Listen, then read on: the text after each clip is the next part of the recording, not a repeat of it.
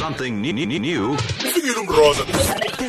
Nosibu. namhlanje silande futhi enye insizwa nayo futhi ekhiqiza ibhika usiyabonga umfokandwalane lemelmoth eh mfokandwalane sakubingelela eh insizwa ethanda ubuxhakaxhaka betechnology. buka nje? Iphetha amafoni ngapha? Ngayibona izinto ezilana nje eduze kwakhe? Sekubingelela ndwalane yebo ninjani? Siyaphila mfowethu. Hayi siyaphila siyaphila. Aw- aw, u- uqhamuka kuphi indawo sitshele ukuthi ngiyazi ukuthi uphuma emelmoth. Kuphi nendawo lapho? Oh ngiqhamuke ebenimoto endaweni ebizwa ukuthi kusethuba lethu ethuba lethu yeah. Thuba lethi le ndawana uthi Yeah. uphuma emelmoth mroza mu- mubhekele kolundi babanana Ngibonakala. sandleni sakho sokunxele. Eh um- umkami ulapho. Ubani? Umkami ulapho eh umakoti u- Um- umakoti kam- kamfowethu. Kamfowethu ulapho. Hey mroza kulezi insuku kuyomela ukuthi ucacise. Oh oh, kulezi insuku ukuthi ngiqoqile Eh, kulezi insuku uzokugcina kuyomela Yeah. ukuthi ucacise ya ya okay. U- le nsizwa ifunda laphayana eh, e-dut um uqale nini lapha? Oh hayi e-DUT sengiqedile ukufunda bengifunda khona ibhika sesisakhela khona e-DUT oh usuqedile ukufunda khona? Yebo yebo. Uqale ubuwenzani lapha? Abengenza ifundo zamabhizinisi. Ah wa- wa- wenza idiploma wayiqeda ngenza idiploma ngayiqeda ngabe sengiyo ngiyayisebenza uma ekuyisebenzeni kwami elinye lama-customer ami uyanginika i-job off umsebenzi. Ngasebenzela wona saxabana ngabe sengibuyele kuyisebenza akamncane kanjena lo muntu Ethi, kazi nani bangani? Nibangani no- no- no- nobhosi wakho manje? Isibanga ukuthi nginembono eminingi and futhi um- umsebenzi ngibe ngitshethe inkampani yami yabonga. Abangithanda kakhulu umsebenzi. Oh manje azabonja hayi ngeke. Lo mfana lo yini manje? Eh, eh, kanti lezo zinto ezinye e- e- ezenza ukuthi nigcina ningasaboni ngasolinye yebo yebo yebo. Kodwa futhi hayi ngoba niyizitha hayi ngaye ngoba izithi and umsebenzi ngangiwenza kakhulu. So wayethecasula ukuthi izinto eziningi sengiyazenzela si- si- sigcine sesiyibanga izinto Awusabuzi manje. yebo ngisabuza buwenzani lapha Oh, lapho into engangenza ngangimaneja internet connection nama-computer ngi-installa nama-lap ey'koleni ezo-5 estenga. So umqashi kwaku umr price red cap foundation. Hey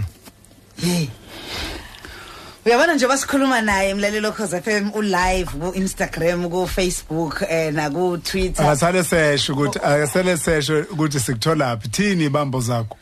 Oh ku-facebook ngusiyabonga innocent ntwalane natholakala futhi nakugoogle uma utype usiyabonga innocent ntwalane and then ku ku-instagram ngusiyabonga underscore ntwalane then bese ku-whatsapp ngu-079 766 5619 ngicela uyiphinda leyo whatsapp. Ku-whatsapp ngu-079 766 5619 sihleli nensizwa la esencane engusomabhizinisi ekade ke ifunda e-DUT yagreda yayisibona ukuthi akube nebhizinisi eliqalayo. Yasemelmoth ke la elensizwa eh kodwa yenza umsebenzi omkhulu omangazayo wezipika eh, othinta ubuchwepheshe.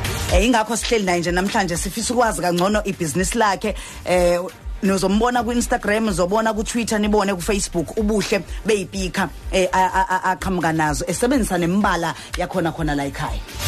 Shilo sibeke kahle mroza. Lensizwe sikhuluma nayo ke bese siyothulile kuwena mlaleli. Mangabe uthi usanda ngena ke sikhuluma nje nensizwe esencane usiyabonga umfokandwalane insizwe yalene belmoth ifunde khona la e-DUT eh yaphothula ke izifundo zayo ekuphathweni kwamabhizinisi. Kodwa umsebenzi esememele wona namhlanje ukuthi ngoba usewusomabhizinisi oyimele ukhiqiza uzakhela izipika zakhe. Kusho ukuthi nje uma ulapha nje ungathenga ispeaker sakhe sixhume nge nge bluetooth awu bese ziyaduma njalo. Awusixoxele ukuthi yini yenza ukuthi ukhethe ukwenza izipika kulolu hlobo lwamabhizinisi ukhetha ukwenza izipika nekuyinto engajwayelekile ukuthi ungabona umuntu omnyama ubengabona umuntu omnyama eyenza. Kakhulukazi ngoba izipika eziningi sitshela ukuthi made in China. Yes. Kusho ukuthi into enza ukuthi ngizenze ngumuntu oyithandayo izinto ezihlukile noyithandayo inselelo. So kwangiphatha kabi ukuthi singabantu abamnyama makhulunywa ngamabhizinisi esiwenza khulunywa nge-construction no-catering nendaba zokudayisa so kwangicasula ukuthi i-technology lekhe kuthiwa yabelungu nama-china kanti ngoba nathi sinawo umqondo so ngabuka ukuthi hayi, anga- ngabe ngenza iphutha elikhuluma ngithi ngizokwenza la mabhizinisi a- a- a- abantu asebewenza vele. Angenza into ehlukile engazi ukuthi izonginika ama-challenges engizowathokozela and futhi izongisiza ukuthi ngihluke njengosomabhizinisi. Wa- yini yenza ukhethe ispeaker? Into ethi ngikhethe ispeaker ngi- ngoba ispeaker sami si uyakwazi ukudlala i- i-radio kusona. Yeah. and uyakwazi usixhuma na kwi-TV so akusona nje ispeaker kuphela kufana nokuthi u hi-fi wesimanje manje noma ungathi i-DVD yesimanje manje. So ngabuka ukuthi i-future vele kulesikhathi asiphila kuso yonke into isiyele ekutheni kusasa. Sizosebenzisa izinto ezingenayintambo. Yeah. so ngabona ukuthi ngakuhle ukuthi njengomuntu omnyama ngibo ngomunye abantu bokuqala abazobala abalethe i-technology belethe esizweni esimnyama. Ngoba vele yonke into es- lesikhathi phela sona ngicabanga yonke into niyabo ukuthi siyashintsha. Okay. So ngabuza umkhakha omkhulu and umkhakha ophethwe amakhampani amakhulu onemali. So ngabona ukuthi akungakuhle ukuthi nami ngingene kulo mkhakha ngoba i-competition ayi- a- a- ayifana lamanye umkhakha lesigcwele kuyona thina abantu abamnyama. Abantu abaningi bayithanda kakhulu. Uma ucabanga yini e- eyenza ukuthi ke baye kuzona ngale kokuthi nje eh, mhlawumbe zikhala kakhulu zinama WhatsApp thile ahlukahlukene. Yini enye e- e- ubona ukuthi i- iyahambisana nabo eyenza ukuthi baheheke kuzona? Oh into enze abantu abaqala beheke yona ukuthi kuyabajabulisa ukuthi yenze umuntu omnyama ofana nabo. Oh so okunye kwesibili ukuthi bajabuliswa ukuthi ispeaker sakho ukwazi ukuthi sibe noma yini oyithandayo. Umuntu angasho ukuthi ngicela mina ungifakele isithombe somndeni wami ngimfakele. Umunye mhlambe ngicela ungifakele izibongo ngimfakele. So lo ezinye izinto ezibajabulisa ukuthi umuntu uzoba nento e- e- akwazi ukuthi acele ukuthi ufuna ibuke ibukeke kanjani. And then okunye ke ngicabanga ukuthi bayabuka ukuthi umsebenzi usuhambe kanjani bayabona ukuthi oba nesebeyithengile ipika so babotha okay lento kusho ukuthi into ekhulayo. So bebe sebebona nabo ukuthi akungakuhle ukuthi bebe nazo ngoba bayabona ukuthi into eyaphambili. Yeah. So proudly south african wawususebenzisa imbala kunokubhala njengoba sesibona kuthiwa made in china. So kusho ukuthi ngamanye amazwi akusa- akekho umuntu oze abuze ukuthi esakuphi lesiya speaker ngoba imbala oyisebenzisile ngiyabona olesuthu pedi bani bani amavenda nani nani?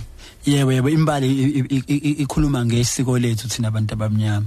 So ngibone kungcono ukuthi kubaleke ukuthi nathi sibe nezinto esoyisebenzisa e- ezi-technology ezikhuluma ngathi singalekha sisebenzisa izinto eyidizayne umlungu noma i-channel lecabanga ukuthi u- u- thina singayithanda imibuke imibukeka kanjena. So kubaleke ukuthi ngale yipika sikwazi ukuthi sixoxe about ukujula kwesiko nempilo yase-afrika. Ukuthi thina singabantu abagidayo nabantu bomsindo nabantu abathanda ukujabula. Yebo iphi imbala esiyithanda? Sigqoke into kanjani ngoba i- i- i-most yazo uyakwazi ukuthi uma ugqokile zimeshe ney'ngubo zakho. So bengifisa ukuthi umuntu uyakwazi nokusiphatha nje uhambe noma ngabe uyakuphi? Yes yes uyakwazi usiphatha uhambe noma ngabe emcimbini noma uya kwi-picnic nikhiphile nomndeni wakho nifike nidlala umculo noma niye ebhishi ngoba uma niye ebhishi angithi phela uma udlala umculo e- emotweni ibhetri iyaphela. So ziyasiza futhi nalapho yabo. Ziyachajwa yebo uyasicharge nje bese ukucharge ifoni yabo. Aha. then be- be- mase usicharge bese siyadlala ke sidlala usuku lonke ke lekhe sikhalile yebo yebo. U- use iphakathi laso ke manje? Ngizama ukubheka ukuthi ngiyasibona manje sihle sinalembala eh, umroza kade yisho asiye manje mathunji naso. Oh yebo ufika kanjani ukubona ukuthi amathumba inasa ama- amathumba aso adinga lokhu nalokhu? Ingaphandle laso ngibonile kunamaphathini ajwayelekile kwispeaker ebengingasifica izitolo ezinkulu yebo. Usho ukuthi into engayenza umzimba waso ipipe amapipe esiwacollecta kuma ku- ku- kule ndawo la kusuka kwakhiwa khona izakhiwo.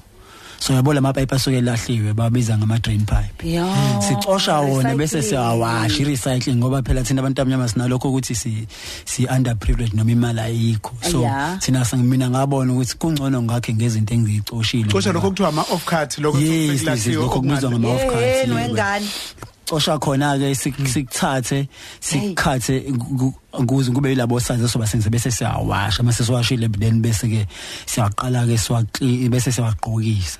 So i recycling so ngasho ngithi le picker zenze ngo 50% recyclable material. Ya. Ya ngoba phela ngeke selekhe sakhala ngokuthi eh ifunding asinayo noma thina asizale egulini so mina ngayitshena ukuthi okungcono angithenga u50% ematerial ewezinto engizoyisebenzisa ukwakhe ipack kodwa ngathi u50% izinto engeke ngiyithenge wengane awubenzile chain la? Ankinga akaku- akazenzile lezi zinto zobuchwepheshe mbros ngoba ubungelindele into efana nalena kumuntu ongathiwa eh, uneziqu ezingakanani kweze science eh kweze technology njalo njalo. Usizwa ubani?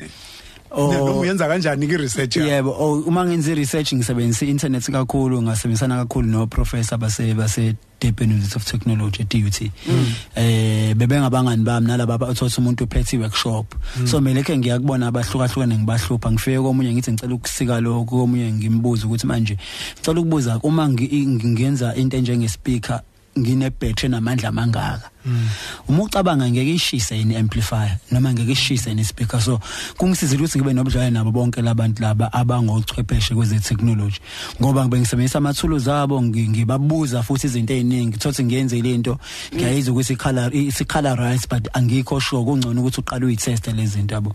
Ngoba uzothi usenzele ispeaker sakho sivele sishe or noma usenzele vele siqhamu kumlilo yabo. So bengisebenzisa bona ke labo professor aba- aba-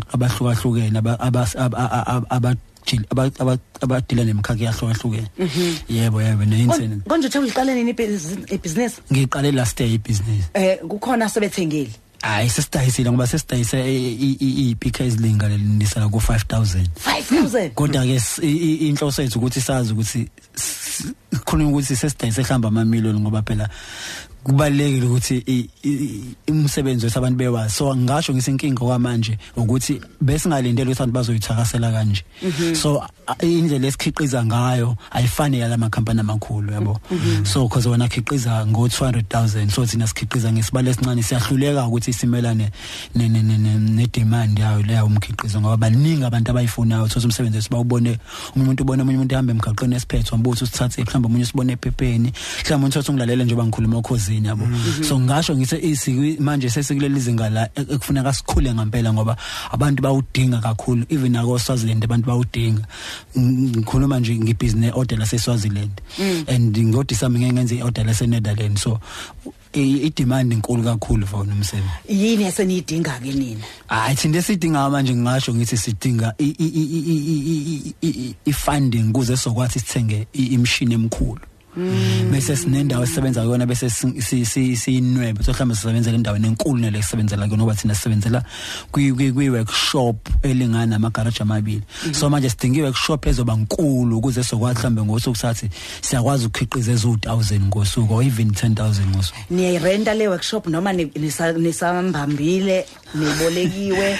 Kuhamba kanjani? Oh si sinesivumelano es- eh, ne ne- ne- ne- ne DUT. Oh. Sinokusebenzisana okujule ne DUT ngoba babuye be- bethatha um- umsebenzi wethu bawusebenzisa emaklasini uku- ukugqugquzela abafundi ukuthi funa beyimele, ukugqugquzela abafundi ukuthi becabanga ukuzenzela into zabo. So e DUT nginokuvakashela amaklasi konke ama department. Ngifike ngitshena aba- abafundi ngestory sami bese ba motivate. enye yama values e-SABC kuye kuthiwe conversation and partnerships kusho ukuthi wena ubona ukuthi ukuxoxa nabantu uhambe uyincikisa ngehlombe uma usomabhizinisi ufisa ukwenza into yakho kodwa ungenazo izinto lokho kuthiwa ama resources insiza kwenza kuyalekelela kakhulu Ya kubalekile ngoba ebhizinisini into engiyifundile nje mina ukuthi kunezinto ongenazo kunabanye abantu abanazo. So lawo abantu yabadinga. Hayi ubadinga masusu udinga ukwenza lezo zinto udinga ukuthi uqale ube nobudlelwane nabo. So mina yonke engiyenzile ukuthi ngaba nobudlelwane nabo bazi ukuthi hayi lento into ehlezi izama izinto because kuningi bese ngikuzamile phambilini okungaphumelelanga. uma sesiqhumile akusikaze kwenzeke siqhume ube nenkinga yeclient lizokuthethisa yini nabafana M- niyaganga la. Hayi asikaze siqhuma hayi kwenza ukuphepha ngenze nge- ngenze isiqiniseko ngoba ngekhathi mina ngakhe sami sokuqala ngaspend inyanga ezu8 ngidlala ngifuna ukwenza sure ukuthi mase sengisi kumuntu angisi into ezozothi umuntu siyayidlala manje siyaqala siyamhlupha.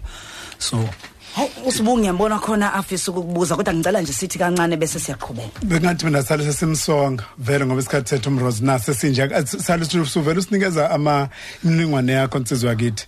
Em sale usinikeza nje imininingwane yakho lapho singakwazi ukuthi sikuthole khona bese ngi- ngi- ngifuna ukufakazisa le nto ke wayisho umrose yokuthi manje sebedinga ifinance manje sebedinga Yeah. funding hlukene kabili ke funding ningahamba ninqonqoze eminyangweni kahulumeni kodwa futhi khona umuntu ongalalela manje Yeah. ngoba kwesinye isikhathi udinga lento okuthiwa i-equity partner Yeah. umuntu ozothi mina mfana ngiyawuthanda lo mqondo nginayo imali ngingakwazi ukungena kwi-partnership nawe Yes. u- u- u- ukukunikeza ithuba lokuthi ukhule uyothi bangabe usukhulile usungangibhaya out Yeah. so ke sinikeze imininingwane ngaba i-email yakho nsizwa yakithi nayo yonke into esingakuthola kuyona oh yebo i-email yami ithi i- i- i- ithi ikusasa lami at gmail.com ngicela Awuphinde ukuyiphinda futhi. email address yami ithi ikusasa lami at gmail.com then bese ukuthi inombolo i- i- i- i- yocingo ithi 079 766 5619 ngicela ukuyiphinda ithi 079 766 5619 siyatholakala na ku Google uma uya nje ku Google type usiya ubhala igama lithi siyabonga Innocent Ntwalane.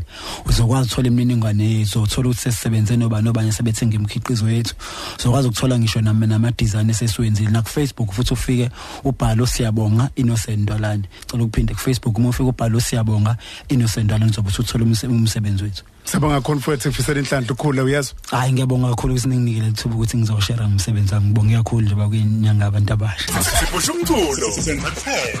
12 kuya ku 3. Hamba phambili.